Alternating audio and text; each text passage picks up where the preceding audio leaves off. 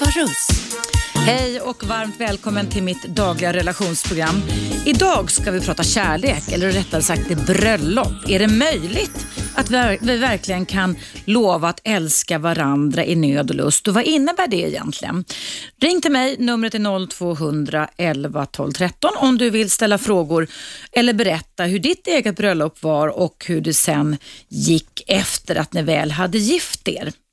Men just de här gyllene orden är det många som i hänryckningens tid just nu kommer att upprepa i en kyrka, i ett stadshus, i ett rådhus eller kanske bara ute i den vackra vår och försommarnaturen. Jag, Eva Russ, tar dig, Mikael Manson, nu till min man. Att dela glädje och sorg med dig och vara dig trogen tills döden skiljer oss åt. Jag, Mikael, jag vill älska dig, dela glädje och sorg med dig och vara dig trogen tills döden skiljer oss åt. Mm. Det här är eh, ett exempel på de mest vanliga ord som man använder sig av när man ska ge ett äktenskapslöfte. Och vad är egentligen ett äktenskapslöfte för någonting? Är det möjligt att vi kan stå där och lova varandra en massa saker när det ska handla om, vilket jag tror i alla fall att de flesta brudpar satsar emot, ett långt liv tillsammans, kanske till och med ett livslångt liv tillsammans. Är det verkligen så att det är möjligt att vi kan stå och lova varandra allt det här när vi kanske inte ens riktigt vet hur det är att leva tillsammans? En sak är att vi vet hur det känns när vi är hänryckta i personen och i, i, i lustarna som kommer när man är nyförälskad i varandra. Men när tiden går så ändrar sig också vi själva, vår partner, vi kanske får barn tillsammans, för, för, för, själva familjekonstellationen förändras, samhället förändras, arbetsuppgifterna förändras, väldigt mycket förändras. Och hur ska vi då relatera till oss själva då, till våran partner då? Hur ska vi göra för att kunna få den här livslånga kärleken och är det möjligt att vi verkligen kan stå och ge varandra det här löftet att vi ska lova att älska varandra nöd och lust? Det har ju, är ju så att äktenskapet som, som en institution är ju ett samhälleligt skydd kan man säga, också ett juridiskt sånt som också ofta har ett religiöst och ett andligt avtal. Det är ett avtal mellan personer som vill leva ihop. Och Det kan man ju ingå både religiöst eller som sagt var borgerligt. Eh, och oftast så är det ju så då att eh, eh, eh, när man gifter sig med varandra så är själva tanken den att man ska leva tillsammans, att det är ett kärleksbaserat äktenskap, alltså inte ett resonemangsäktenskap och att det inte är ett skenäktenskap och att man ska se till att man ska vårda varandra livet ut. Det finns också en mängd juridik som reglerar äktenskapet i lagboken. Det finns under äktenskapsbalken så finns det väldigt många regler som talar om bland annat det att man som makar ska vårda varandra, man ska ha rätt att leva på samma standard, man ska vara hjälpsamma mot varandra. Eh, man ska stötta varandra även ekonomiskt om det skulle vara så att den ena partners medel inte räcker till så måste den andra hjälpa till. Eh, man får till exempel heller inte skilja sig utan betänketid om man har barn under 16 år, vilket är ett väldigt bra påfund tycker jag eftersom det är då ett skydd för barnens del. Men hur är det egentligen med det här då? Jag var med i en tv-sändning här i Nyhetsmorgon i måndags där man har tagit fram statistik i Sverige för, som talade för att vid ungefär efter sju till nio års äktenskap så är det väldigt många äktenskap som vill lösas upp. Så trots att det kanske bara gått sju, åtta, nio år som man gifte sig så är det många som sen då ansöker om skilsmässa. Om inte annat så går man oftast kanske, många gör det i alla fall idag, vilket jag tycker är bra på familjerådgivning också, eller hos familjeterapeuter för att försöka se vad man kan göra för att kunna lösa upp knutarna. Och jag anser, det här är vad jag anser, jag anser att det är nog så att väldigt många människor idag när vi faktiskt pratar om att vi gifter oss och skiljer oss i samma takt, att det faktiskt är så att vi är för lite uthålliga.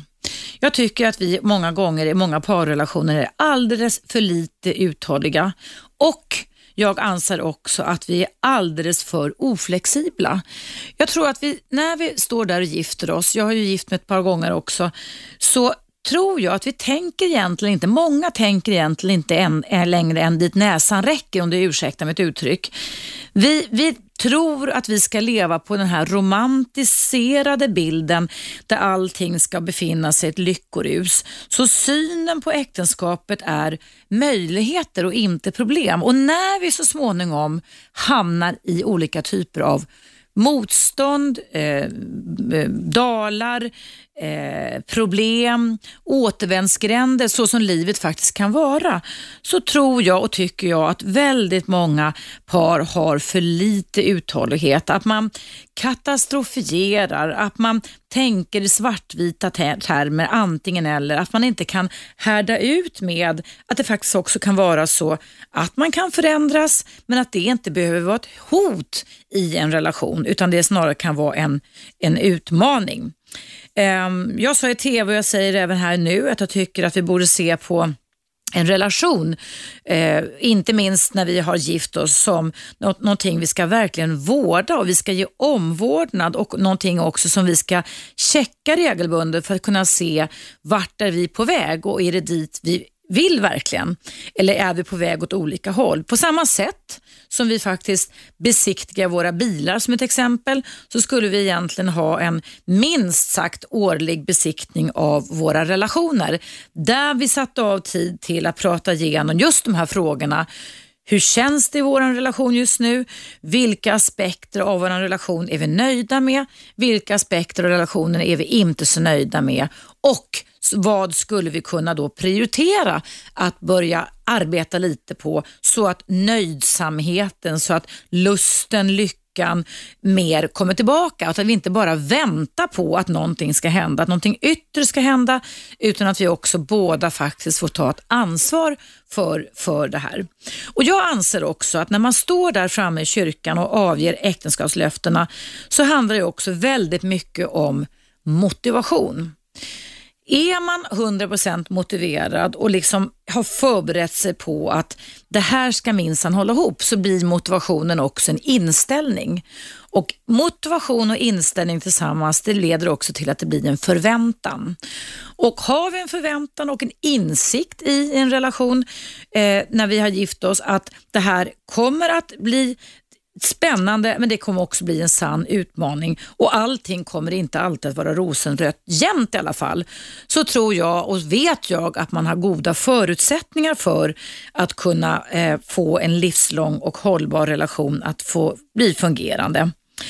Eh, jag har ju själv eh, varit med om för sådär en 27 år sedan, lite mer än 27 år sedan, så det är väldigt länge sedan, där en man eh, och jag vi gifte oss i Stockholms stadshus efter en alldeles för kort tid tillsammans ehm, och eh, vi avgav de här äktenskapslöftena i nöd och lust. Men lyckan för min del varade alltså inte mer än ungefär 10 eller 12 timmar. Jag har sagt det i ett tidigare program här på Radio 1 därför att ehm, den man jag gifte mig med var och blev tydligen uppenbarligen mer förtjust i brudnäbben som var min bästa kompis än i mig själv.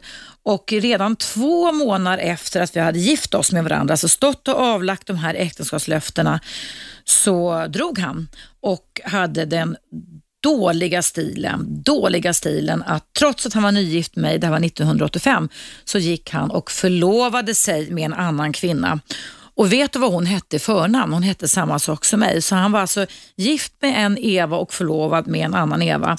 Och han, eh, led, var inte, han var svensk och han levde inte polygamt och han var inte muslim som skulle ha två hustrur. Men det där var en knasboll jag gifte mig med, så att det är preskriberat för länge sedan. Men där kan man ju fundera lite över vad den här mannen Tog han de här orden på allvar när han stod och lovade att älska mig eh, i nöd och lust. Eh, det var ordens bekännelse. Var fanns motivationen? Fanns det någon motivation där överhuvudtaget eller var det bara egentligen att kunna försöka få mig i mål? Ja, eh, uppenbarligen så eh, fanns det ingen motivation för detta, men då hade vi ju lika gärna kunnat sluta och avstå ifrån att gifta oss tycker jag. Men synen på kärlek i alla fall har ju inte varit likadan som den är idag när vi ska vara jätte, jätteromantiska. Man ska kunna säga att det är ungefär för 400 år sedan som det hos oss människor skedde en förändring i synen på kärlek. Inte minst så tror man att det var genom att man fick in tryckkonsten på 1600-talet som ledde till att poeter och filosofer kunde sprida den romantiska kärlekens budskap. Och då blev passionen, hänryckningen och de starka känslorna väldigt viktiga i relationen och har blivit det kan man säga äktenskapliga ideal som man, eller än så länge i alla fall, ska sträva efter. Eh, förr var alltså kanske ett äktenskap mer baserat på förnuftet, på partiet, på jord och mark. Eh, men har nu ersatts av kärleksäktenskapet. Eh, man tror att eh, det här är någonting som eh, man kan vårda och att kärlek och känsligt förhållande är viktigt och det tycker jag också att det är. Men är det verkligen möjligt att man kan stå där och lova varandra det här? Ja, om man har en inre motivation, om man har bestämt sig för att man eh, vill kämpa. För det handlar fortfarande om våra evolutionära strategier, kämpa, fly eller spela död. Och det är uppenbart så att min man för 27 år sedan som jag gifte mig med som sprang till skogs efter två månaders relation och förlovade sig med en annan Eva samtidigt som han var gift med mig, hade ingen motivation överhuvudtaget. Motivationen kanske var själva festen eller bröllopet. Ibland kan ju en del personer gifta sig bara för att man ska få någon slags trofé i handen. Jag vet inte vad det var som hände där, men jag är idag glad och lycklig och singel, så det är ingenting som jag har tagit skada. Jag tog skada då men inte nu längre. Vad väcker det här för tankar hos dig? Är du gift? Ska du gifta dig? Är du nygift? Hur har det gått? Tycker du att det går att leva upp till de här äktenskapslöftena som du och din partner avgav en gång i tiden eller ska avge alldeles strax framöver? Ring in till mig. Numret är 0200 11 12 13. Nu har vi en liten paus här på Radio 1 men jag ska fortsätta att läsa upp ett lyssnarmail om en person som är osäker om han ska gifta sig efter pausen. Så kommer här.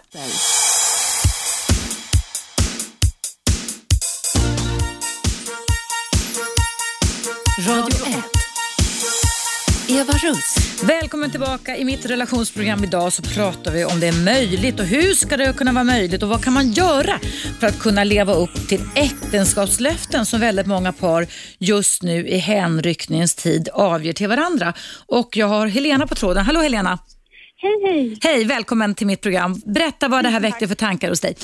Jag kom bara på när jag och min man, jag är gift sedan ett och ett halvt år tillbaka, snart två år. Eh, och vi satte oss ner och verkligen pratade igenom vad det innebar för varandra att ingå ett äktenskap. Så att vi inte förväntade oss olika saker.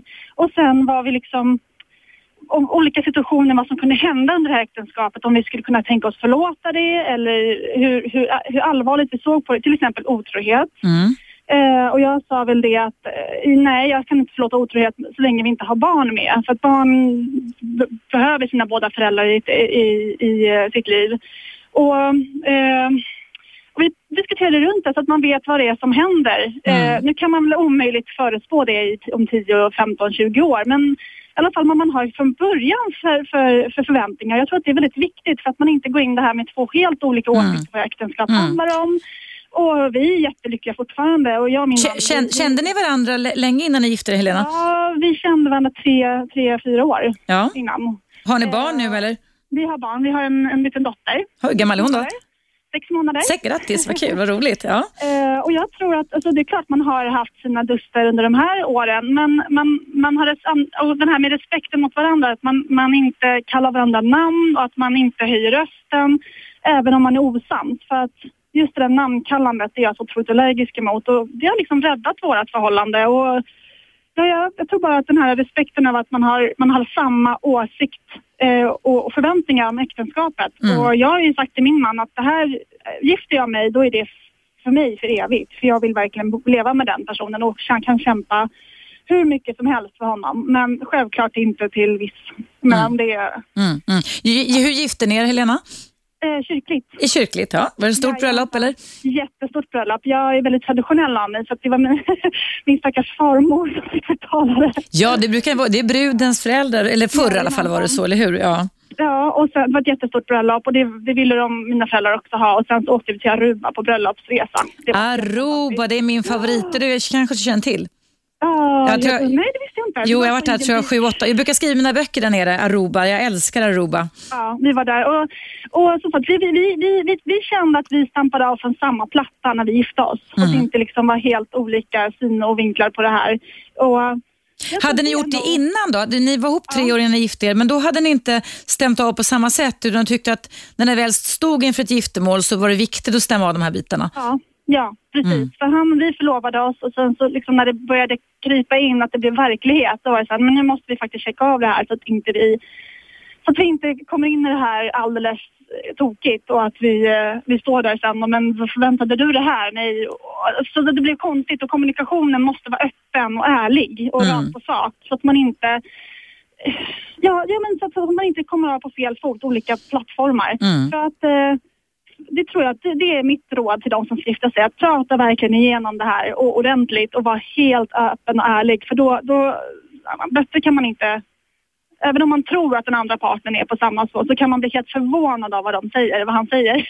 Ja, för det, här med tankeläsning är det ju många som använder sig av i relation och det funkar ju inte, eller hur? Nej, det funkar inte någonstans. Och min man är väl ganska, kanske en liten sluten människa, så han Mm. måste man trycka ur saker. Men Mm. när det väl kom, då var vi så, men då så, då är vi på samma, samma plattform, då kan vi gå igenom det här. Då känner jag mig lugn Mm. i kyrkan när jag säger ja till dig. Och för att är det något orosmoment i bröstkorgen så det vill man inte ha på sin bröllopsdag. Man vill inte tänka det här men, om. Men om man inte, eh, så tänker han verkligen så här, är det verkligen Mm, lika seriöst mm, för honom mm. som för mig? Det vill man inte ha på sin bröllopsdag. nej. Det var, jag missade ju det. Du hörde kanske, jag gifte mig för 27 år sedan. Ja. Vi fick en fantastisk son som är 26 år nu, men, men, men det var, jag var ju fartblind. Alltså man, så det Ja. var ju väldigt, väldigt snabbt ihop och snabbt isär. Så att jag har ju blivit mycket, mycket bättre på sånt ju äldre jag blivit och förstå det där. Men då var jag, får, jag får sätta det som en plump i mitt protokoll, så att man gjorde så. Men, men, men, men eh, det här med nöd och lust, det är ju ändå, jag har ju gift mig på gång, det är ganska högtidligt det där ändå att stå och avge det till en annan människa, eller hur? Absolut, och det är ju, för jag gjorde det med hela min hjärta och hela min själ. Att Mm, det, är liksom, mm. det är för evigt. Jag älskar min man över allt annat förutom min dotter då såklart. Ja, ja. Men, men eh, jag, jag kan inte tänka mitt liv utan honom. Nej, Och vad det är det man ska känna när Mm. man står där. Man ska tänka att det här är verkligen, jag, jag, kan, man ska inte tänka, men tänk om det blir skilsmässa eller det här. Och, och, det ska inte vara massa om eller frågetecken eller parenteser utan det ska vara uppriktigt och ärligt och man ska kunna känna att man står där med hela sin själ. Och, och, men kan man inte det, då tycker jag inte man ska ingå äktenskap för då är man inte redo. Nej, någonstans kan jag också tycka det. Alltså att det, det gäller att ha, precis som du säger Helena, på ett väldigt bra sätt tycker jag, alltså en men, mental beredskap kan man säga, eller hur? Och som du sa att ni gick igenom olika situationer, det är ju jätteklokt hanterat tycker jag. Om man utifall att det här händer, vad gör vi då? Så att säga? Ja. Ja. Vad kan man göra för, och liksom, hur ser du på, vad sa hur ser du på barn? Eh, liksom, jag, jag är uppväxt i, både han och jag är uppväxta i familjer som håller ihop. Som, Mm. som, mina, våra båda föräldrar är fortfarande gifta. Eh, och det är ju underbara förebilder. Men, och jag tänker precis som dem att de har ju också varit med om jätte- jättemycket skit under deras år tillsammans. Och de har förlåtit varandra och de lever lyckliga idag Mm. det, det, man får liksom bara ta sig igenom det om man fortfarande älskar varandra. Sen kan man inte styra över den andra människan. Om han hittar en annan, en annan kvinna och säger Mm. nej men jag älskar henne mycket mer än dig, då kan inte jag tvinga honom att vara kvar. Men, eh, men jag tror att man, man måste göra det bästa av situationen och så, så förbereda sig så, så gott man kan Mm. på att leva med- med varandra resten av sitt liv. Mm. Och speciellt, jag menar, är det ba, är inte några barn involverade då, då drabbar det bara en själv. Men det, jag tycker det är så svårt det där med när man skaffar barn tillsammans och sen så blir det splittrade relationer. Det blir så otroligt splittrat för dem också. Så men jag, jag vet inte, jag...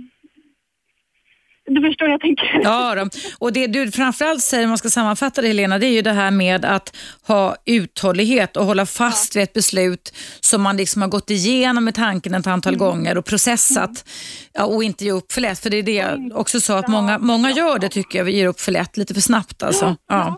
Och sen inte ha för bråttom. Inte ha Det för är bråttom. inte bra att vänta ett år till. I sådana fall, för det är inte hela världen om man, om man väntar Nej. ett år till. Nej, visst. Nej. Toppen, toppen. Tack så jättemycket för alla dina bra bröllopsråd och giftermålsråd. Lycka till i framtiden. Hur du hoppas att det verkligen håller, håller, håller, länge mellan dig, eller långt liv för dig och din ja, man Helena. Det kommer ja. göra. Toppen, tack snälla. Hej, hej. Ja, kära lyssnare, det var Helena som jag pratade med som gav sina relationsråd kring hur man ska tänka innan man gifter sig. Och Det är faktiskt så att, eftersom, att en del personer också kan känna stora självan inför att man gifter sig. Jag har ett mejl här ifrån en man som har börjat tveka inför sitt bröllop. De har bestämt att de ska gifta sig sedan länge, men ju närmare bröllopet går så mår han sämre och sämre. Och Den här mannen säger att han Intellektuellt, ja visst så har han lovat sin, sin sambo, sin kvinna då att han ska gifta sig. Men att han säger att känslorna inte hänger med. Eh, och att det här inte känns så viktigt längre. Han verkar känna ångest för det här och vill helst bara att eh, kanske man ska skjuta upp det här eller inte. Och Eh, det här att känna ambivalens inför ett sånt stort beslut kan jag säga om du just nu som lyssnar skulle känna det. Det är faktiskt jättevanligt.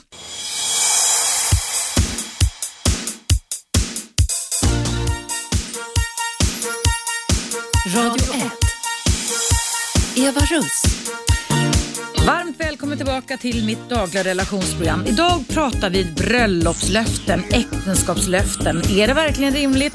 Och hur ska man tänka? Hur ska man agera när man har lovat att älska varandra i nöd och lust? Det är ju hänryckningens tid. Jättemånga bröllopspar som står inför den stora dagen det här, inte minst nu när pingstafton kommer här. Eh, man kan också ha rätt att tveka och innan pausen lovade jag att jag skulle berätta för dig vad bröllopsdepression är för någonting. Men innan dess så ska vi höra lite här på Christian som har suttit och väntat. Hallå Christian! Hej! Hej! Berätta vad du, det här ämnet väckte för tankar hos dig. Ja, nej, jag har två kära föräldrar eh, som numera är det väl, ja, vad blir det? 40 års äktenskap bakom sig. 40, 40 års äktenskap, ja. Ja, Eh, men de har, i det äktenskapet har de hunnit med en paus. Eh, när det var på, på väg att krackelera. Ja. Eh, så tog de en paus från varandra. De skilde sig och har bott isär i fem år ungefär. Hade de andra under tiden då, vet du det? Det vet jag faktiskt inte. Jag tror inte det. Mm. Inte, inte vad jag märkte i alla fall. Så ingen, ingen som var så nära, för då levde jag. Så att, ingen som var så nära så att de träffade barn och så. Mm. Eh, någon kan det säkert ha varit, det har jag ingen aning om. Och vad hände? Ja. Jo, så att, nej men de flyttade isär eh, och bodde isär i fem år. Mm. Och sen så hittade de tillbaka till varandra. Vad roligt. Och hur, hur länge hade de varit gifta då när de skilde sig första gången så att säga, eller? Det var minst 15 år. Jag vet, jag vet inte på åren. Men Nej, något sånt. Ja. Bra tag. Så att nu har de levt ihop då i nästan 20 år igen, eller? Ja. Fantastiskt. På 20 år. Ja. Har du någon gång som son till dina föräldrar frågat dem hur de löste det här? Att hitta tillbaka till varandra igen? Faktiskt inte. Alltså mm. jag har jag har inte riktigt haft de frågeställningarna innan jag tänkte på det nu när du... Ja, det är klart. Nej, men som barn är man barn, även fast du låter som en vuxen man så är man barn i alla fall. Och det kan vara... Men om inte annat så var ju det här att vara isär i fem år och sen kunna se på varandra med nya ögon en, en bra strategi för dem i alla fall. Det var det. Och så just med deras levnadssituation då så tror jag att de båda två behövde hitta sig själva lite mer. Mm. Men tyck, upplever du Christian eh, att är dina föräldrar lyckligt gifta idag? Det upplever jag verkligen. Vad härligt, vad roligt. Det är jätteskönt för nu har de ju inga hemmavarande barn eller så. Nej, nej. Nu är de ute och reser och bara njuter av tillvaron. Ja, det låter jättehärligt. Vad härligt. Det var ett bra exempel. Och sen var det någonting mer du ville säga Christian? Ja, alltså just det här som många, många inringare och även folk påtalar. Att det här med barnen, att folk verkligen tycker att man ska kämpa in i absurdum för barnens skull. Uh, och då delvis av egna erfarenheter så tror jag att självklart ska man kämpa, man ska inte bara ge upp vid minsta motvinden. Men jag tror det är viktigt också att se att barnen ska ha ett tryggt hem att gå till. Mm. Oavsett om det är ett hem där bara mamma eller bara pappa bor eller båda två bor så är det nog viktigare för ett barn att komma hem till, till ett hem där de känner sig tryggt än ett hem där två föräldrar bråkar mest hela tiden. Mm. Uh, så att bara, bara det egentligen som grundtanken som jag ville få fram var mm. man ska självklart kämpa men just när barn är inblandade att de mår inte bara bra om föräldrarna bara bråkar när de är Nej. när de bor ihop. Nej. Bra. Du, tack så jättemycket för dina två eh, berättelser, eller, eh, åsikter och sen berättelser om dina föräldrar, hur de räddade sitt äktenskapliga liv genom att ta en paus och gifta om sig med varandra igen. Det var, det var ett fint exempel tycker jag. Ja, tack, tack, tack, tack för att du lyssnade också. Ha det bra. Hej, hej. Ja, det var Christian som ringde in. Nu ska jag berätta för dig som har suttit och väntat här då, vad är en bröllopsdepression för någonting? För idag så pratar jag om äktenskapslöften, det är hänryckningens tid och många människor kan faktiskt, fast man med förnuftet och all planering och alla pengar och alla gäster och all mat och alla klänningar och alla kläder har ju förberett allting, så plötsligt kan man drabbas av stora skälvan. Det är faktiskt så att en del personer också kan bli deprimerade och då finns det alltså ett uttryck i min värld som heter wedding morning eller bröllopsdepression på svenska. Och Det är faktiskt exakt samma symptom som när man drabbas av en depression. Och De typiska tecknen på en depression det är att vart man än vänder ögonen eller näsan eller ansiktet så fylls man ständigt av negativa tankar som i sin tur triggar igång negativa känslor och dessa negativa tankar och negativa känslor skapar inre bilder och blir till en negativ förväntan som blir som en slags filter som smetar sig in i hjärnan på den som är deprimerad och som gör att man bara drar ner på alla positiva förväntningar och mestadels får negativa sådana kring sig själv, andra och framtiden. Och när man får negativa förväntningar kring sig själv, andra och framtiden, vad händer med beteenden tror du då? Jo, då rättar sig våra beteenden efter hur vårt inre tänker. Och Det kan då för många leda till att man avbokar bröllopet, om det är ett bröllop man handlar om.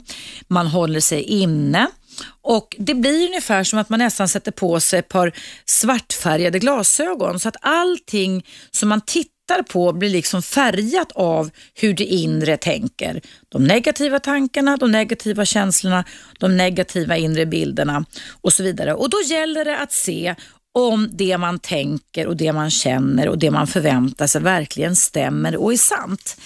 Man kan hamna i ett väldigt svartvitt tänkande. Man kan få ångest och ångest och depression hänger också ihop med det här. Så att man alltså blir deppad fast man egentligen är väldigt glad.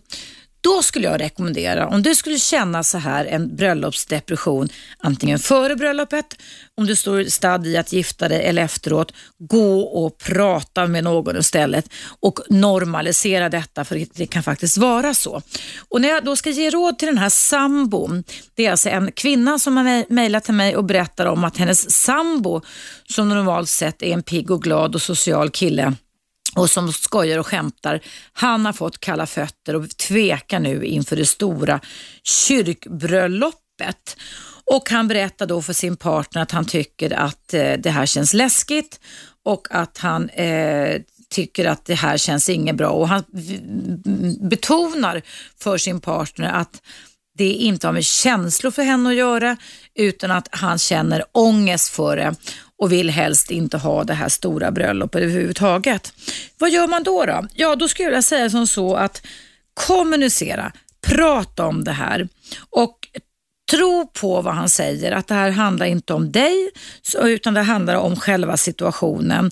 Och gå igenom den här situationen under några samtal eller flera samtal, eller gärna med ett proffs som känner till att man kan få ångest och man kan få depressiva drag innan man gifter sig. Och gå igenom och testa teserna, testa antagandena, testa de negativa tankarna. Stämmer det verkligen så här? Är det verkligen sant att det kommer att bli så hemskt, att det kommer bli så skrämmande, att man kommer känna sig så utsatt? Finns det andra scenarier man kan tänka sig också? Att det kanske är så att man mår bra av att vara centralpunkt i det här. Att det finns en värme hos alla de inbjudna gästerna som finns där och ska övervaka bröllopet. Att det kanske är så att man tycker att det är kul att, vara, att göra någonting, alltså gifta sig, som man kanske inte har gjort tidigare och så vidare. Så jag menar på att väldigt mycket har med tankeverksamhet att göra och det är också så när det gäller depressiva eller depressionssjukdomar, i synnerhet då en bröllopsdepression, så har det egentligen med tankeverksamhet att göra. Jag har även mött personer som har fått bröllopsdepression efter att de har gift sig, så det var inte någon stora självan, ångest eller ledsamhet innan bröllopet, men när man väl hade gift sig så kan, eh, har jag mött både män och kvinnor som blir jättedeprimerade. Och när man då frågar dem hur de tänker så har de hamnat i ett, något, ett tänkande som är väldigt typiskt just för depressionen, nämligen den, ett väldigt rigidt, ett väldigt oflexibelt, ett väldigt svartvitt tänkande där man bara ser massa katastrofer och man bara mata sig själv med alla typer av negativa scenarier på allt som det värsta tänkbara som kan inträffa. Och det är klart att om man bara fokuserar på en del i livet, en del som i verkligheten som givetvis kan vara förskräcklig och negativ och fasansfull och man inte kan hitta någon viktning gentemot det här och tänka på de bra sakerna så kan man alltså mata sig själv full med bröllopsdepressionstankar. Men det går att ta sig ur det också med hjälp ifrån sin partner eller med hjälp ifrån ett proffs så kan man alltså få annat färg och klangläge på tankarna så att man de här katastrofscenarierna kan man alltså luckra upp. Och man kan få hjälp med att, precis som i en vanlig depression, att börja återföra sig till verkligheten lite och testa tesen och tankarna om det verkligen är sant att alla de här katastroferna som man tänker strax efter att man har gift sig eller strax innan man ska gifta sig kommer att inträffa eller är det faktiskt så att väldigt mycket är hjärnspöken?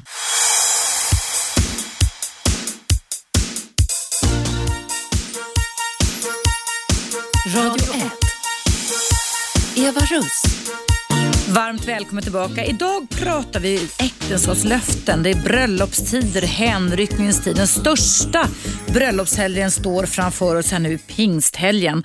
Och det är faktiskt också så att även om man är hur lycklig som helst och hur kära varandra som helst så kan man ibland drabbas av stora skälvan. Och det finns ett begrepp som jag berättat alldeles nyss om som heter bröllopsdepression. Eh, nu ska vi prata med en annan Eva som väntar. Hallå Eva! Hej! Det var lätt att komma ihåg ditt namn. Ja. Vad väckte ämnet idag för tankar hos dig? Det var när du talade om att man kunde få bröllopsdepression, att man plötsligt eh, får kalla fötter. Mm. Och jag känner igen mig i det även om jag inte hade för avsikt att gifta mig. Men eh, det var ändå den här tiden på året som gjorde på något sätt att, att eh, man funderar på, vill jag det här och, och vad har jag framför mig och jag tycker att jag har det så bra med mig själv och livet leker, det är varmt ute och jag njuter av tillvaron och, och så plötsligt känner jag att vill jag verkligen ha det här att någon ska liksom bestämma för, om mig och ja, allt det där som det för med sig när man lever i en relation. Mm. När hände detta dig Eva? Ja, det hände mig för bara någon månad sedan. Okej, okay, så vad gjorde du då? Eh, vi har gjort ett eh, uppehåll. Mm -hmm. Okej. Okay. Har ni varit tillsammans länge då? Ja, nästan två år. Okej. Okay. Så det var dina tankar Eva kring, ska det verkligen vara så här, ska jag fortsätta med det här, som gjorde att ni gjorde ett uppehåll? Ja, det, det var det. Men hade ni tankar på att gifta er också eller? Nej, men vi har faktiskt pratat om det. Um, eller till och med sagt att det ska vi göra, men inte något datum eller så, utan mer att vi kände att, att vi vill nog leva ett liv tillsammans och försöka få ihop våra påsar. Mm. Um, men Eh, när, när det kommer till den här tiden på året när liksom livet blir så enkelt på något sätt. Eh, det är lättare att leva på något sätt. Så då känns det som om, nej men jag vill inte det på något sätt. Jag vill leva ett eget liv nu plötsligt. Och, och, och hur, hur, hur gick det att processa detta? Fick du full förståelse från det från din partner sedan två år tillbaka? Eh, nej, det fick jag ju inte. Det är ju, jag kan förstå att det är svårt att förstå. Mm, så att han, han fick motvilligt acceptera ditt beslut att ta en paus så att säga?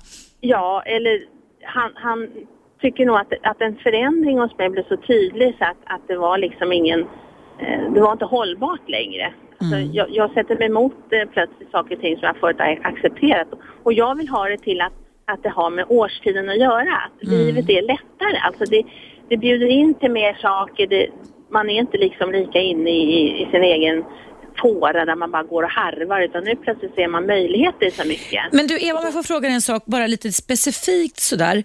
Vad, som, några konkreta exempel så vi kan få eh, bilder på. Vad, vad är det då som du ha- har fått ut mer av specifikt genom att du just nu har tagit en paus ifrån din partner som du har känt två eller varit ihop med två år? Vad gör du som inte han kunde hänga med på eller som du inte ville ha honom med på?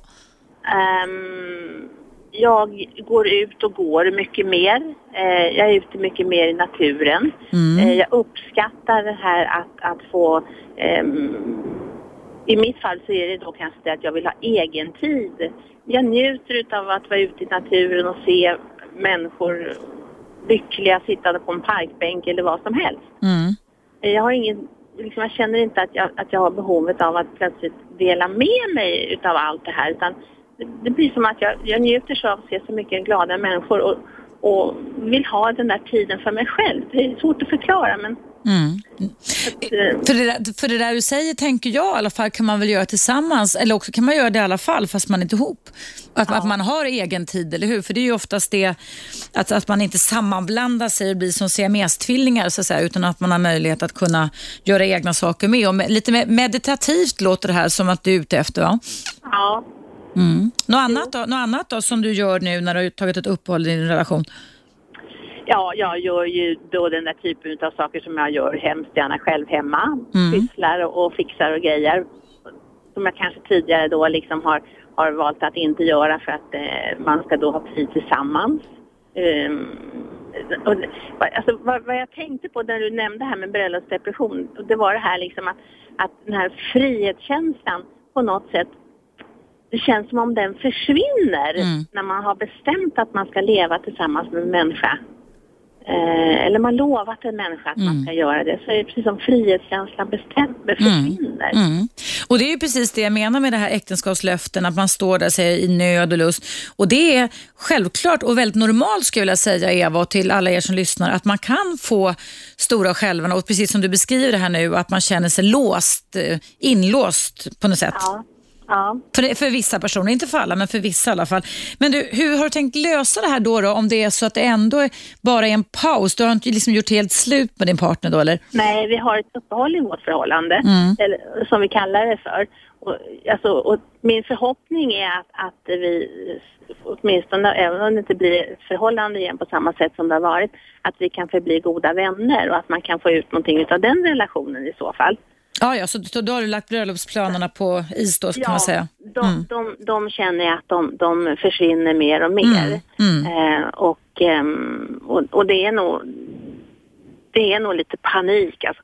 Du, du sa så här, du, du ehm, körde in i en relation med 100 procent och det gick väldigt fort. Mm. Och det är kanske det man gör. Mm. Att man, man, man, när man är förälskad de första sex månaderna så bestämmer man massa saker som man sen då kan liksom få en liten klump i magen av. Mm. Mm. Får jag fråga, hur gammal är du Eva? Jag är 55. Du är 55, ja, som, som jag då i sådana fall. Ja. Mm. Ja. I, då, då, då kan jag förstå det ännu, nej jag skojar, men det kan jag förstå det ännu mer, men att man kanske har levt ett ganska långt liv redan och fått vara väldigt försiktig med att fatt, fundera över vilka beslut man fattar framöver, för man har inte hela livet riktigt framför sig längre.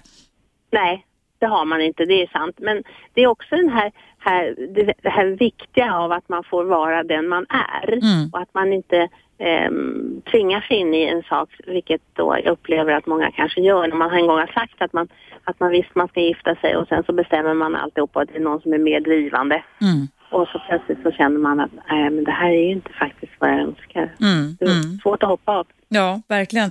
Men du, då får jag önska dig all lycka till här nu i vårsolens glans, Eva, Ja. och hoppas att du får fortsätta med dina meditativa saker. Men du, om du skulle, kan du tänka dig att du kan träffa en ny man framöver? Och, och, så, alltså, alltså, eller är det så att du, den här frihetskänslan som du känner nu är så viktig så du vill avstå från det resten av ditt liv? Det vet jag inte. Mm. Jag tänker inte så nu, utan nu tänker jag mer att jag ska förvalta det jag har, har upplevt tillsammans med min förra partner eller Mm. min nuvarande partner inom citationstecken och, och se vad jag kan göra av det men samtidigt också vara vaksam på att, att, ehm, att det kanske inte är så att man ska att tvåsamheten kanske inte är det optimala för alla människor. Nej, nej. Nej. Men du, lycka till då med ja. det, det, ditt eget sökande. Det låter härligt på ett sätt också tycker jag. Och tack för att du delar med dig av din ja. Eh, ja, inre resa kan vi väl kalla det för då. Ja. Ha det jättebra så länge. Hej då. Tack så mycket. Hej.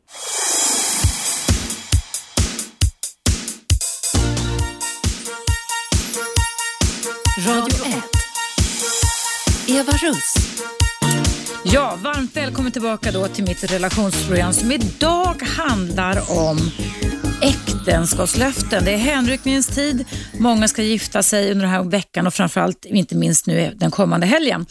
Och eh, väldigt många kan få stora skälvan och till och med drabbas av bröllopsdepression. Nu ska jag läsa upp för dig en kollega till mig i USA, Bob Grant, som har skrivit flera bästsäljande relationsböcker, som har skrivit upp eh, fem av de mest populära myterna som har med äktenskapet att göra och varför de inte är sanna, varför du inte ska tro på dem. Så om du står till exempel i beredd begrepp här att gifta dig så ska du lyssna på det här just nu. Den första myten, säger Bob Grant, det är det att ditt, ditt äktenskap har bara 50% chans att överleva innan det slutar i divorce, alltså i, i ehm, att bara 50% överlever och resten hamnar i divorce. Även om det här är sant, eh, är framförallt i Sverige där vi gifter oss idag lika mycket som vi skiljer oss, så menar han då att det där betyder inte att du som har gift eller står i begrepp att gifta dig måste tro på att just den statistiken ska gälla dig. Bob Grant, precis som jag säger, pratar alltså om vilken inställning, och vilken förväntan du har. Och vad han säger det är att du kan förstärka ditt äktenskap genom att göra enkla saker tillsammans för att vidmakthålla, precis som jag också säger väldigt ofta i mitt program, hålla igång de känslomässiga banden eh, över en livstid. Han säger, det har jag också sagt, det att man kan ta en kvällspromenad tillsammans eller ha en dejt kväll eh, någon gång i veckan kan alltså leda till att man håller ihop längre och då tillhör man inte den här statistiken där bara 50% överlever ett långt äktenskap. Så skippa den myten och bestäm dig för att du kan alltså göra någonting åt det här. Du kan vårda relationen, du kan skaffa kvalitetsstunder i relationen. Men då gäller det också att ni är viktiga för varandra. Att ni ser varandra, att ni relaterar till varandra, säger jag då. Sen den andra myten som Bob Grant säger det är då det att din partner ska vara din bästa vän. Vad han säger då det är att menar han på att en vän, en bästa vän är en bästa vän men en partner är en partner. Och Han menar då att en bästa vän kan ibland ha helt andra kvaliteter än vad en partner kan ha eftersom eh, en bästa vän kanske ofta är ganska lika oss själva. Han menar däremot att det är viktigare att vi är fortsätter att vara fascinerade och ibland också frustrerade över att vår partner inte alltid är lik oss själva. Därför att det kan bli en bra sak istället. Alltså se en utmaning, återigen tankeverksamhet, se en utmaning i att ni inte är så lika varandra. Det var myt nummer två. Myt, no, myt nummer tre, det är att man inte ska gå till sängs när man är arga på varandra. Eh, och att det gäller att försöka lösa konflikter så snabbt som möjligt. Och Det tycker jag också verkligen att det är.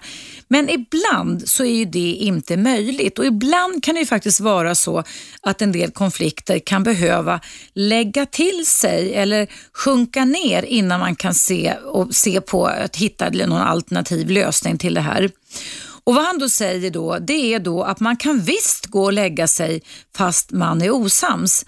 Eh, och att lyckliga par kan bli jättearga på varandra ganska ofta.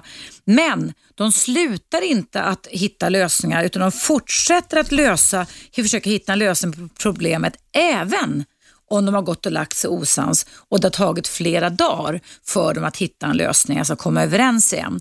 Så man kan alltså enligt den här Bob Grant lägga sig och vara osams, men det viktiga är i alla fall att det slutar i någon form av lösning.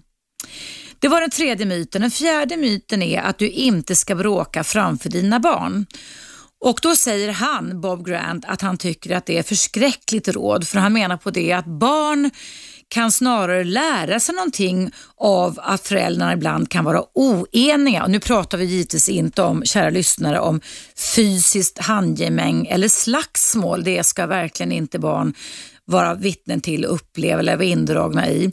Men när man har olika åsikter så kan det vara bra enligt Bob Grant att barnen kan få se att föräldrarna faktiskt kan ha olika åsikter eftersom man då kan lära sig att se saker på olika sätt. Eh, och Han menar på det då att då barnen i sin tur kan lära sig att man kan faktiskt älska någon också fast man tycker olika.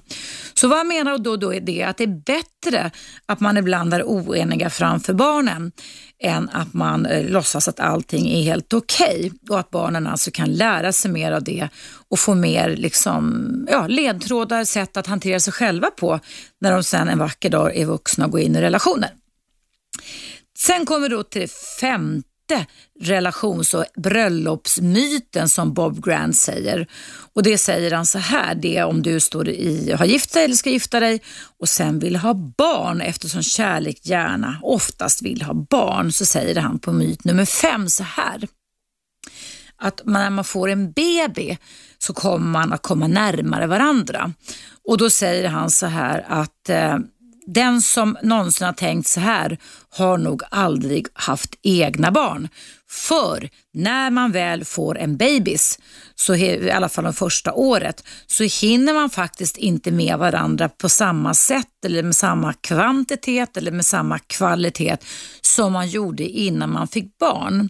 Så en baby enligt Bob Grant betyder absolut inte att ett par kommer närmare varandra. Däremot så delar man glädjen över att man har blivit föräldrar tillsammans. Man kommer in i ett annat eh, i ett annat känslomässigt tillstånd. Men enligt Bob Grant så kommer ett bittert par, alltså ett missnöjt par, fortsätta vara bittra eller ännu mer bittra även fast de får ett barn.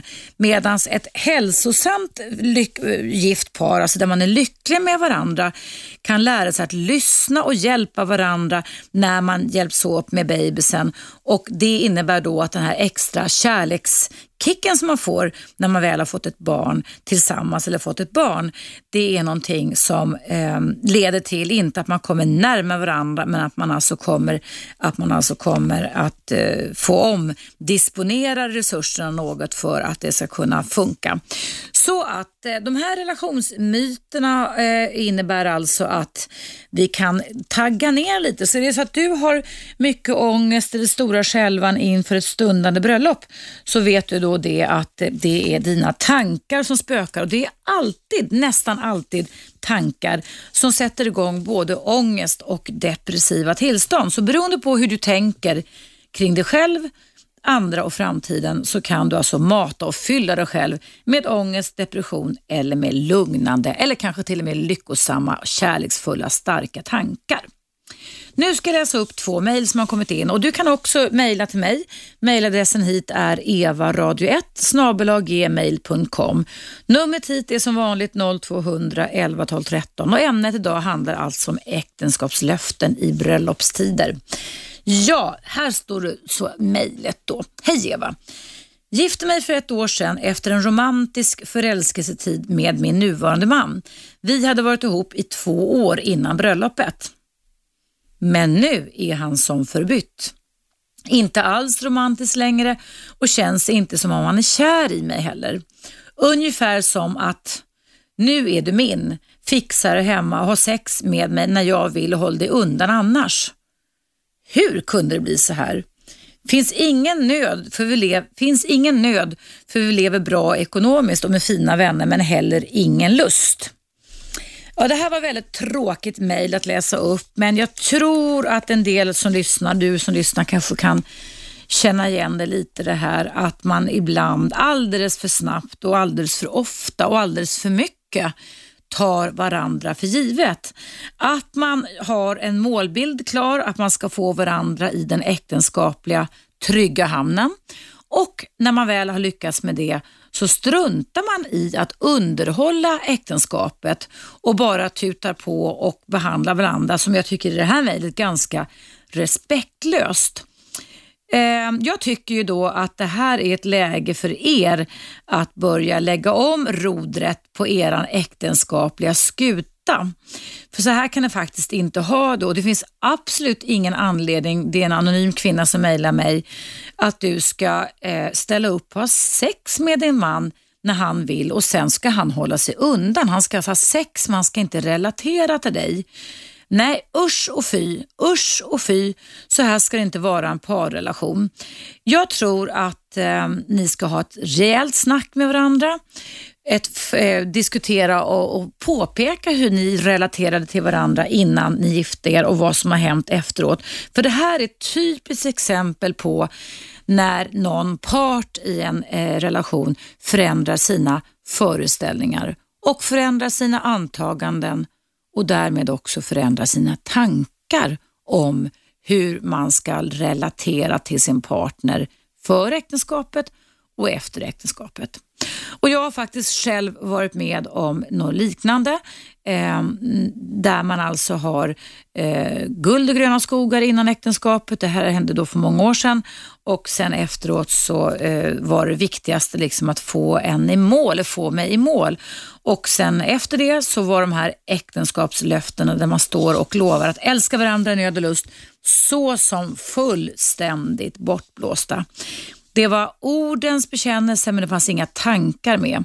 Och när man som i det här mejlet eh, eh två år, eh, ett år sedan gifte ner eh, hade en romantisk förälskelsetid och sen så behandlar mannen dig som eh, något som ett ting, ett objekt där han ska ha sex när han vill och sen så håller han sig undan. Då är det faktiskt fara och färde för själva kärnan i en bra relation det är att man bygger starka känslomässiga band och att man ser till att man vidmakthåller dem genom beröring, närhet, kroppskontakt, förtrolighet, empati, sympati och sex. Det bör komma också i den ordningen som jag säger. Så Gå till en terapeut, gå till en familjerådgivning, ta hjälp av utomstående för det är fara och färde om redan efter ett år så har romantiken försvunnit. Eh, så här ska det inte vara. Sök hjälp i mitt råd.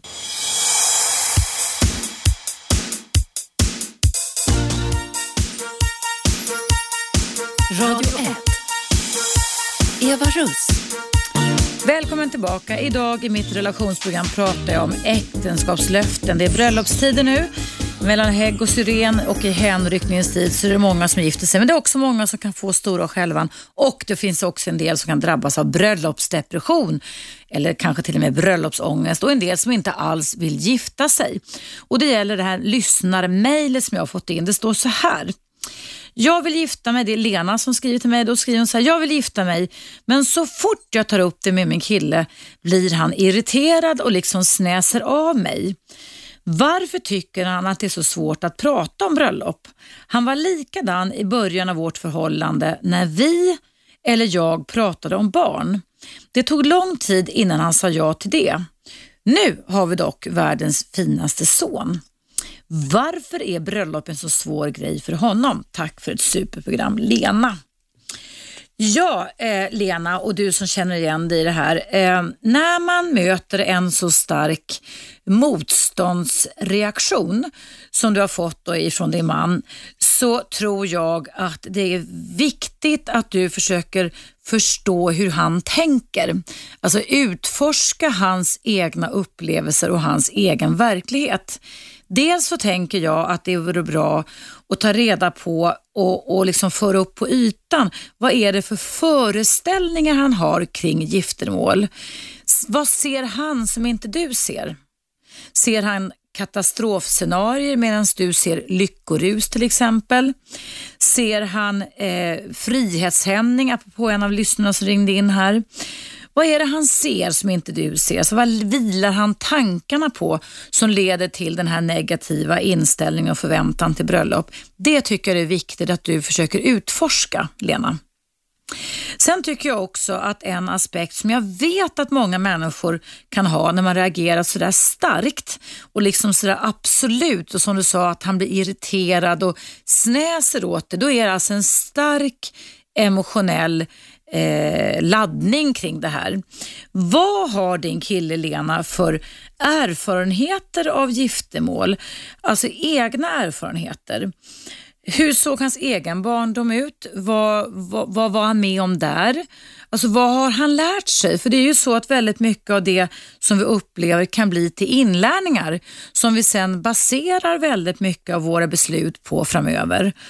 Ehm, man kan ju faktiskt ha haft otur och varit med om väldigt många negativa erfarenheter. Man kan ha hört historier, man kan ha hört till och med sin mamma eller pappa eller mormor eller farfar och så vidare sucka och prata illa om, om vad ett äktenskap innebär, även fast de kanske inte menar det, så kan det för ett litet barn bli någon slags slutledning som kan leda till att man eh, tror att det är på det här sättet det ska vara. Man kan också, Lena, som har en kille som inte vill gifta sig, ha hamnat i, just i det här ett svartvitt tänkande, ett antingen eller-tänkande. Där det alltså inte finns någon känslomässig färgklang eller känsloklang däremellan, utan det är antingen eller, ett väldigt dikotomt sätt att tänka på.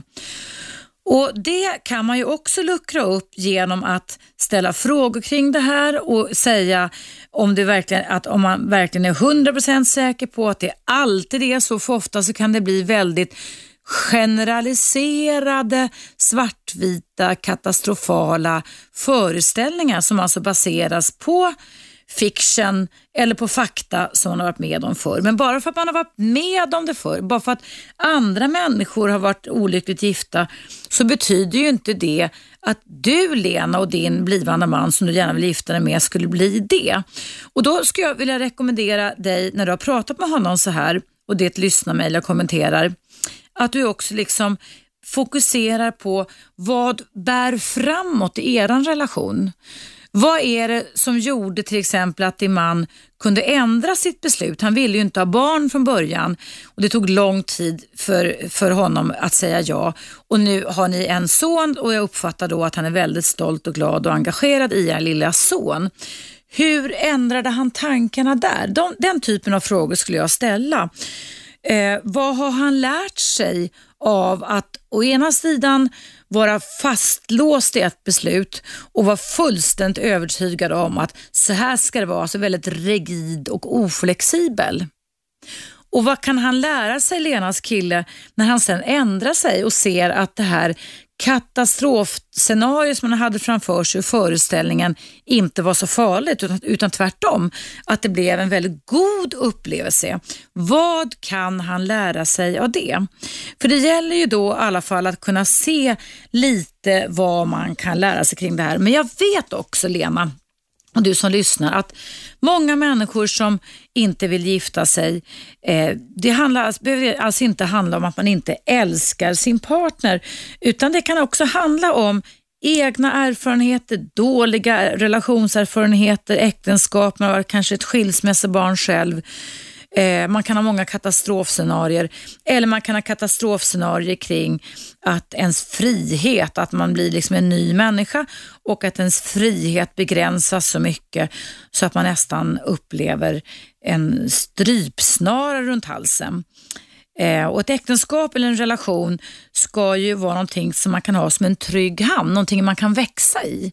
Och där man tillåts växa, där man både får behålla sin individualitet och sin autonomi, alltså sin egen sfär, men där man också upplever samhörighet. Och den delikata frågan i alla parrelationer, vare sig man är gift eller inte, det är ju att hitta den här balansen mellan komma nära, alltså samhörighet och få behålla sin autonomi. Kan man göra det, kan man lyckas med den lösningen kan man väl säga, eller gåtan också, så kan man leva ett långt liv tillsammans. Men då måste man alltså jobba på flexibilitet och god anpassningsförmåga och inte ta för givet att man kommer vara likadana resten av sitt liv aldrig, skulle jag vilja säga, ta varandra för givna heller, utan att ständigt vara utforskande gentemot varandra och någonstans ibland sätta av lite egen tanketid och fundera lite så här, jaha, vad har jag lärt mig om min partner den senaste tiden? Hur kan jag använda den här kunskapen? Hur kan jag boosta min partner på bättre sätt? Och vad kan jag berätta för min partner om att just jag behöver nu? För vi ändras ju hela tiden och vi är inte samma människor som vi var för 1, 2, 3, 4, 5, 10, 15, 20 år sedan.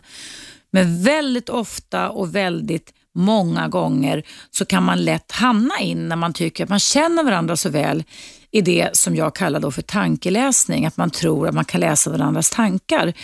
Och det kan vi inte. Det kan vi inte ens på trolleriscenen utan det är bara fejk. Och därför så är det väldigt, väldigt viktigt att ni sätter av tid till att utforska varandra, vara nyfikna på varandra. Vem är du idag? Vad kan du berätta? Att ni eh, inspirerar varandra, att ni ändrar eh, på saker och ting lite så att ni inte alltid tar varandra för givna. Och där tycker jag att Bob Grant, som alltså jag läste upp, som hade fem myter om bröllopsmyter, eller fem myter om relationer och bröllopsmyter, sa då att par som investerar tid med varandra, som tar till exempel en kvällspromenad tillsammans och till exempel gör sig till lite extra för varandra och har någon slags dejt eh, natt eller dejting en gång i veckan är mindre benägna att skilja sig än de som är, skiljer sig. Så att, säga. att man alltså håller glöden, man gjuter glöd i relationen på ett annat sätt. Och Det har också visat sig, jag har skrivit ett antal böcker själv om relationer och har bland annat en bok som heter Relationskoden. Den finns i pocket numera.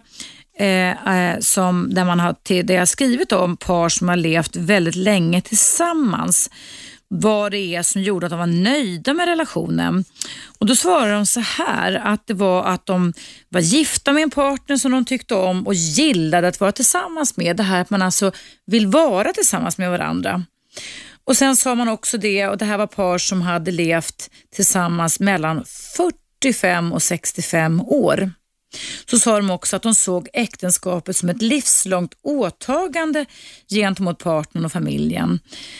De sa vidare att humor var viktig och de hade också samma sätt att se på ansträngningar och mål de hade i livet och de hade god problemlösningsförmåga.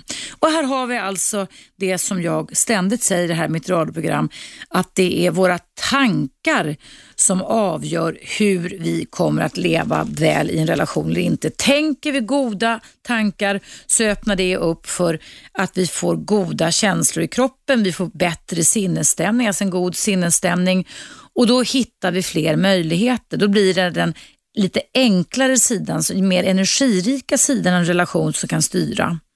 Men om vi tvärt det tänker dystra tankar, tunga tankar och bara tänker en massa punkttankar, det är slut, det funkar orkar inte, vi kanske går och förstärker varandra negativt. Jag visste det, typiskt dig, det där kan inte du. Då skapar vi en tankekultur och en negativ tankesmitta som blir förhärskande inom en relation. Och då kan det, om man har övat väldigt mycket på att identifiera och bekräfta alla negativa saker, då är det ganska svårt att vara en god problemlösare. Det är inte så lätt att hitta nya goda möjligheter, såvida man inte till exempel går och pratar med någon, alltså får hjälp utifrån, eller sätter sig ner och börjar fundera över vart är vi på väg? Vad håller vi på med? Och är det verkligen dit som vi ska ta vägen? För då kommer vårt äktenskap att ta slut. Så det är viktiga frågor och det gäller egentligen varje dag när man lever tillsammans att ta hänsyn till och fånga upp och se om man kan förändra tankekulturen man har inom sig själv och som man också har gentemot sin partner.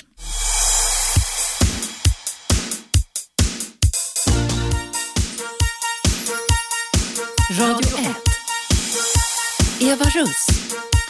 Välkommen tillbaka. Idag pratar jag om äktenskapslöften. Det är ju bröllopstid mellan hägg och syren, hänryckningstid och vi gifter oss som bara den. Men tyvärr så skiljer vi oss också ganska ofta. Nästan lika mycket som vi gifter oss så skiljer vi oss.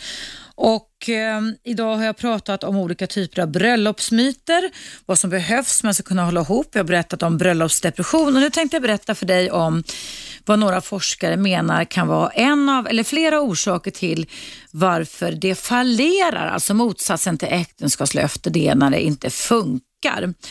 Och Vad de menar då är några av de mest vanliga orsakerna till fallerande kärleksförhållanden.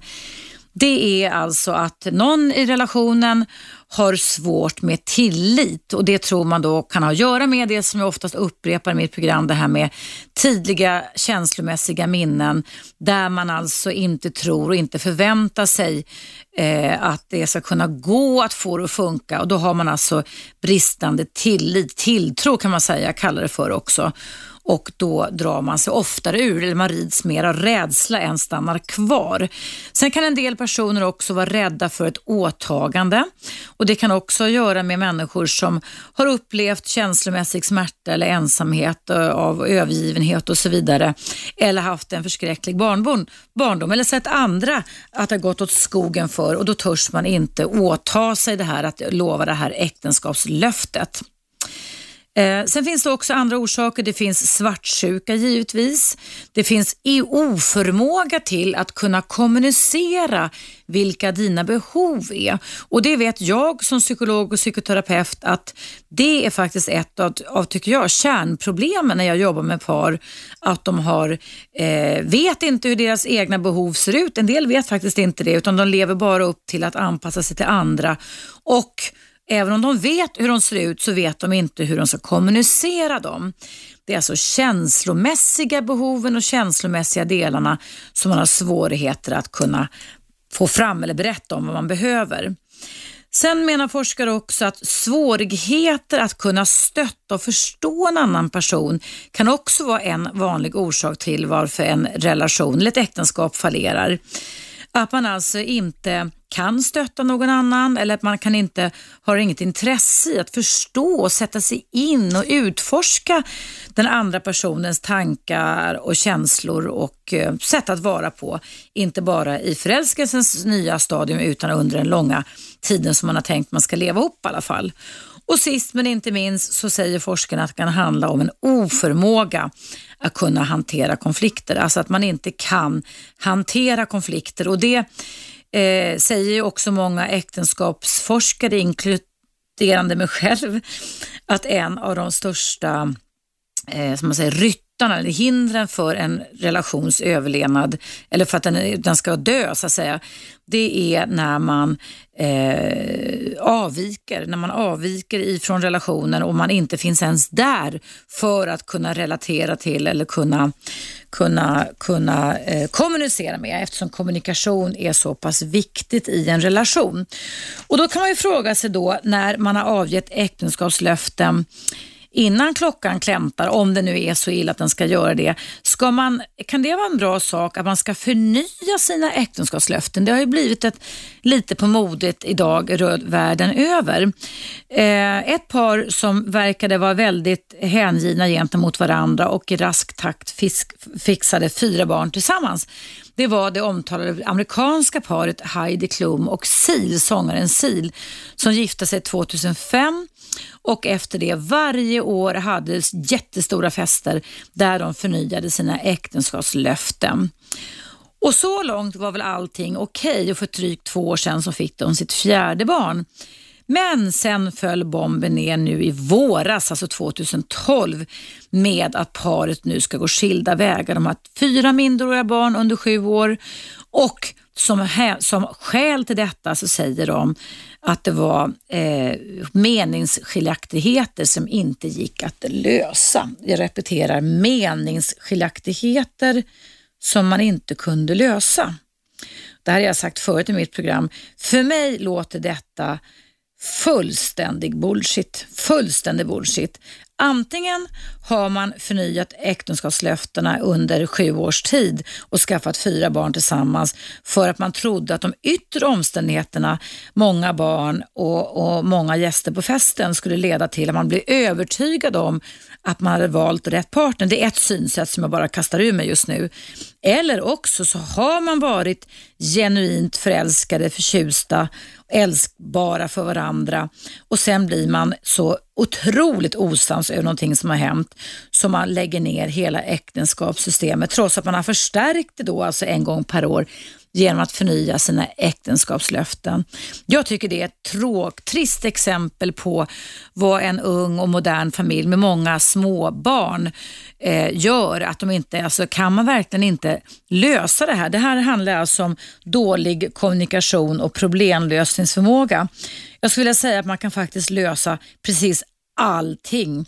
Man kan överleva en otrohet, man kan överleva ett svek, man kan förlåta för varandra för de mest dumma saker som en person kan göra som man lever ihop med om bara viljan finns. Och Då kommer vi tillbaka där jag började mitt program idag, nämligen den inre motivationen. Om du ska stå där i kyrkan idag, imorgon, på lördag, på söndag och säga att jag, Eva Russ, tar dig nu Mikael Mensom nu till min man att dela glädje och sorg med dig, att vara dig trogen tills döden skiljer oss åt, så är det viktigt att de här orden är dina ord, att det är någonting du har sugit på, någonting du har processat inom dig själv, någonting du har tänkt igenom, någonting du har pratat och kommunicerat med din partner kring, så att det inte bara är tomma ord. Och är det så att du ska gifta dig och avge äktenskapslöften eller redan har gjort det, då är det att kavla upp armarna och se relationen och äktenskapet som ett jobb. Från och med då när ni är gifta så är ni i synnerhet i juridisk tillämpning inte minst ett team. Ni omfattas av lagens långa arm, ni omfattas av äktenskapsbalken, ni är skyldiga att hjälpa varandra och se till att ni lever på samma ekonomiska nivå. Man ska stötta varandra, man ska vara hjälpsamma mot varandra. Och även om det är så, och det känns så ibland att kärleken är slut, så skulle jag vilja lägga in en liten blaffa här och säga att jag tycker att uthållighet är en av de viktigaste kärlekstecknen som finns. För bara för att man ibland kan tappa lusten och sugen gentemot sin partner, den kanske har varit dumt, betett sig dumt, sagt något dumt eller också är det du själv som har tappat lusten, så kan faktiskt lusten komma tillbaka igen om det är så att du orkar vara uthållig. Men det skadar ju inte om du också jobbar på hur du tänker eftersom dina tankar som du matar dig med leder till känslor, leder till inre bilder och leder till förväntningar, föreställningar och antaganden. Så tänker du goda tankar om din partner så kommer du ha goda förväntningar och antaganden. Tänker du negativa tankar om din partner så blir det också negativa föreställningar och antaganden. Och då kanske inte det är så konstigt att dina beteenden rättar sig efter hur ditt inre tänker, eller hur?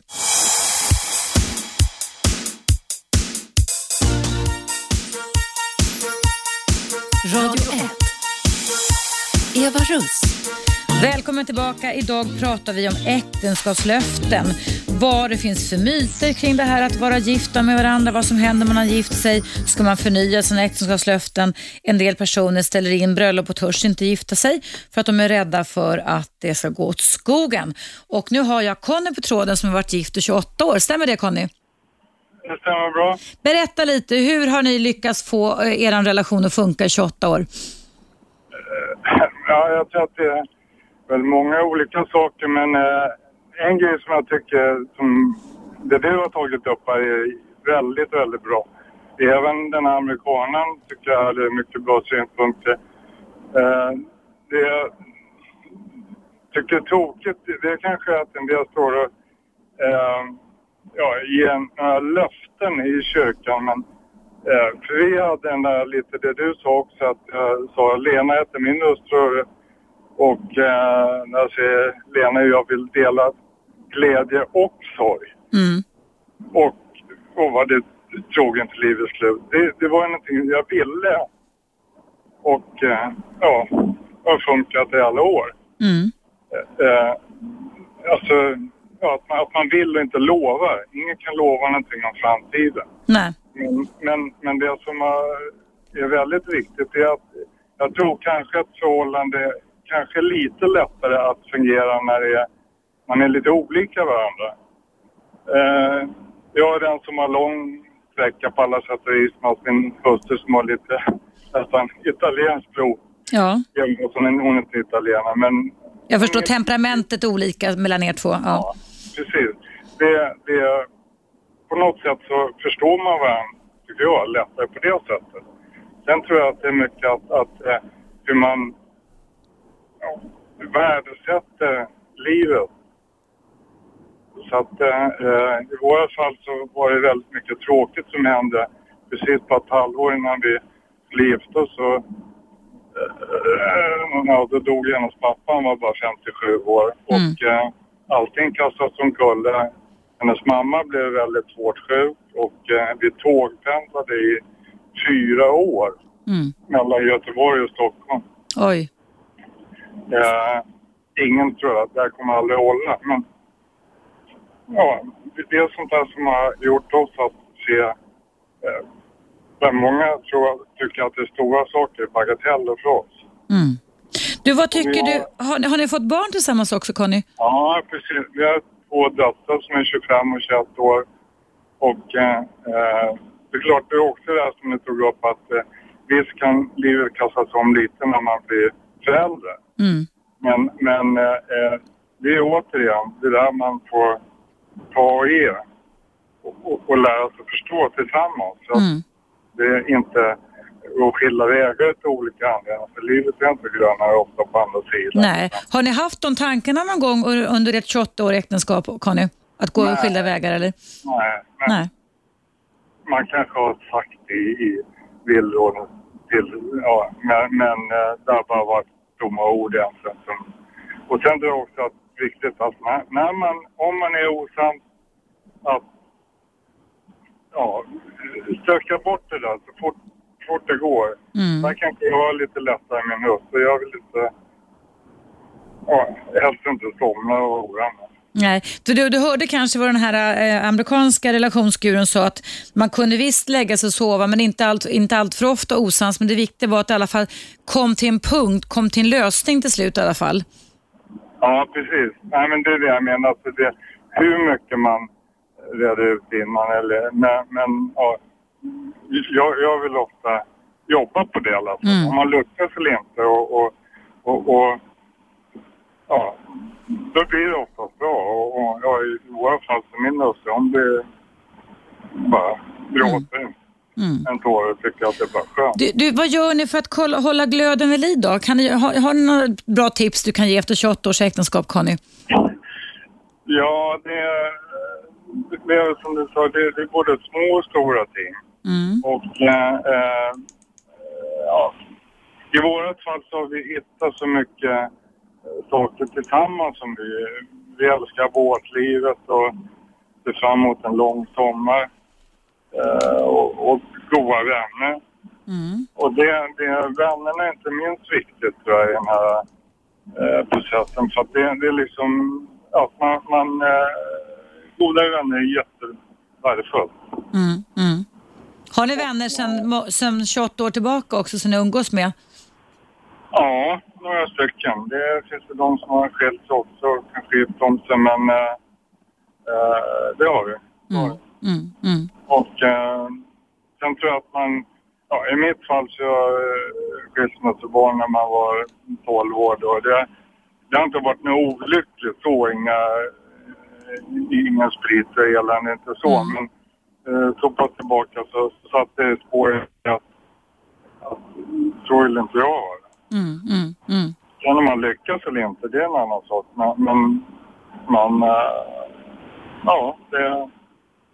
Och sen tror jag att man, man eh, det är klart i vårt fall så jag reser en hel del i jobbet men, men man, man värdesätter hela tiden att träffas och få tiden till varandra. Mm. Att det är roligt, att man ser fram emot att se varandra, träffa varandra. Ja. Ja. Ja, Mm. jag, bara liksom man äter en god middag ihop eller om man går bio eller går ut och äter eller vad, vad man nu gör så att man, men, att man, man, man värdesätter de där små sakerna. Mm. Det tror jag är viktigt. Inte bara sätta, mål ska man ju alltid ha men, men inte så man ju sätter upp ett mål som blir orelevant Nej. Nej. Du, det här med att förnya äktenskapslöften som är ju lite inne just nu. Har ni funderat i sådana banor någonting? Nej. nej. Det, alltså... Eh, Nej. Nej, nej, nej du, jag bara tänker för att det, det verkar, ibland verkar det vara liksom ett grepp som ändå gör att paret vaknar till liv igen lite. Förstår du? Att man kommer på, ja just det, det var ju det här vi sa att vi skulle älska varandra i nöd och lust och så vidare. Att det skulle kunna liksom vara en på, påminnelse, förstår du, för vissa människor. Ja, men i våra fall att, eh, jag menar i, i, i ordets handel så, så är det, ja, vi, vi, vi trivs så bra med varandra. Så det, mm. det, och man, man värdesätter ja, allting på vad man, vad man än gör så, så är det, och sen tror jag också att det är viktigt att, att man, man eh, eh ja, man, man försöker dela allting. Alltså, om Nusse vill någonting. Mm. Det, det är ganska sällan jag säger nej. Mm. Man kan vara sådär så, så självklart det är roligt, det är han är glad. Du pratar om inställningen till när partnern kommer med saker som man inte alltid själv skulle kanske föreslå. Det tycker jag var helt jätte, jättekul. Att man ändå jobbar på att ha en positiv förväntan. Det är det du säger Conny? Ja, ja. Mm. Precis. Mm. Det låter ju jättebra det här. Och du, eh, jag tänker, när du, du har levt lycklig med din fru Conny, 28 år, och har två döttrar, har de gift sig eller tänker de gifta sig tror du? Uh, ja, vår äldsta har, har levt ihop med en kille uh, tre år tror jag, så att, uh, det är vår största förhoppning. Det, det, kommer säkert bli dem, men de är lite skedet med, med studerar och ja. den biten också. Ja.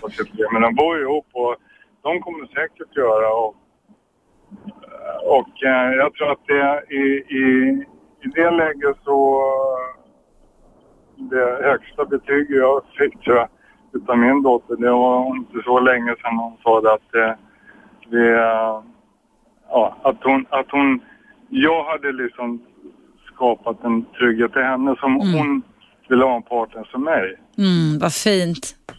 Vad härligt att få höra som förälder, Conny. Ja. ja vad härligt. Mm. Det, det, är mycket. Mm. Men, men, och det tror hon har lyckats hitta en sån kille också. Så, ja, inte som så mm. men mm. att hon har den tryggheten. Och du vet, det finns väldigt mycket forskning, Conny, som jag tar del av, att trygga barn väljer oftare trygga partners. Medan ja. otrygga barn har större benägenhet kan man säga att välja en otrygg partner. Precis, mm. exakt så sa hon. Mm. Vad härligt, då får ni fira detta. Och du, vilken, vilken tid, för 28 år sedan gifte du dig och Conny med din fru? 4 augusti, så det, det, vi har alltid haft en tradition med flera år nu på, på sjön så gör vi det med våra vänner. Ah, ni har fest, liksom, firar bröllopsdagen då till, till sjöss? Ja. Vad härligt, vad roligt. Så då så har ni någonting att se fram emot några månader då? Tre månader kanske det är nästan. Ja.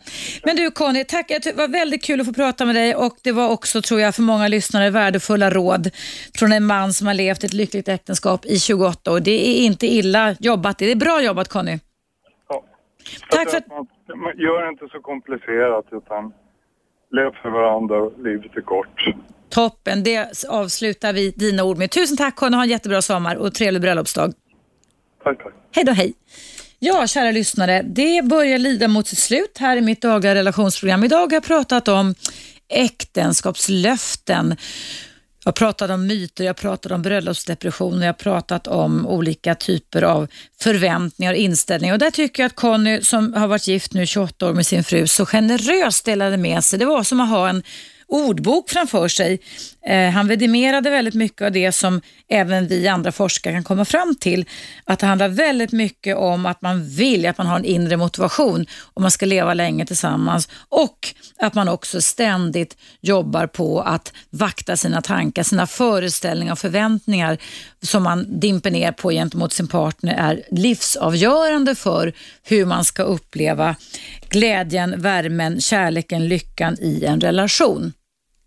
Ja, då är det så här att nu är mitt program slut. Och vill du lyssna på det här programmet som alltså handlar om äktenskapslöften i repris så kan du göra det ikväll klockan 22 till 24.00. Du kan alltid lyssna på mig via eh, radio1play.se och du kan också alltid gå in på webben under www.radio1.se för att där ta reda på vad jag har tagit upp för ämne idag.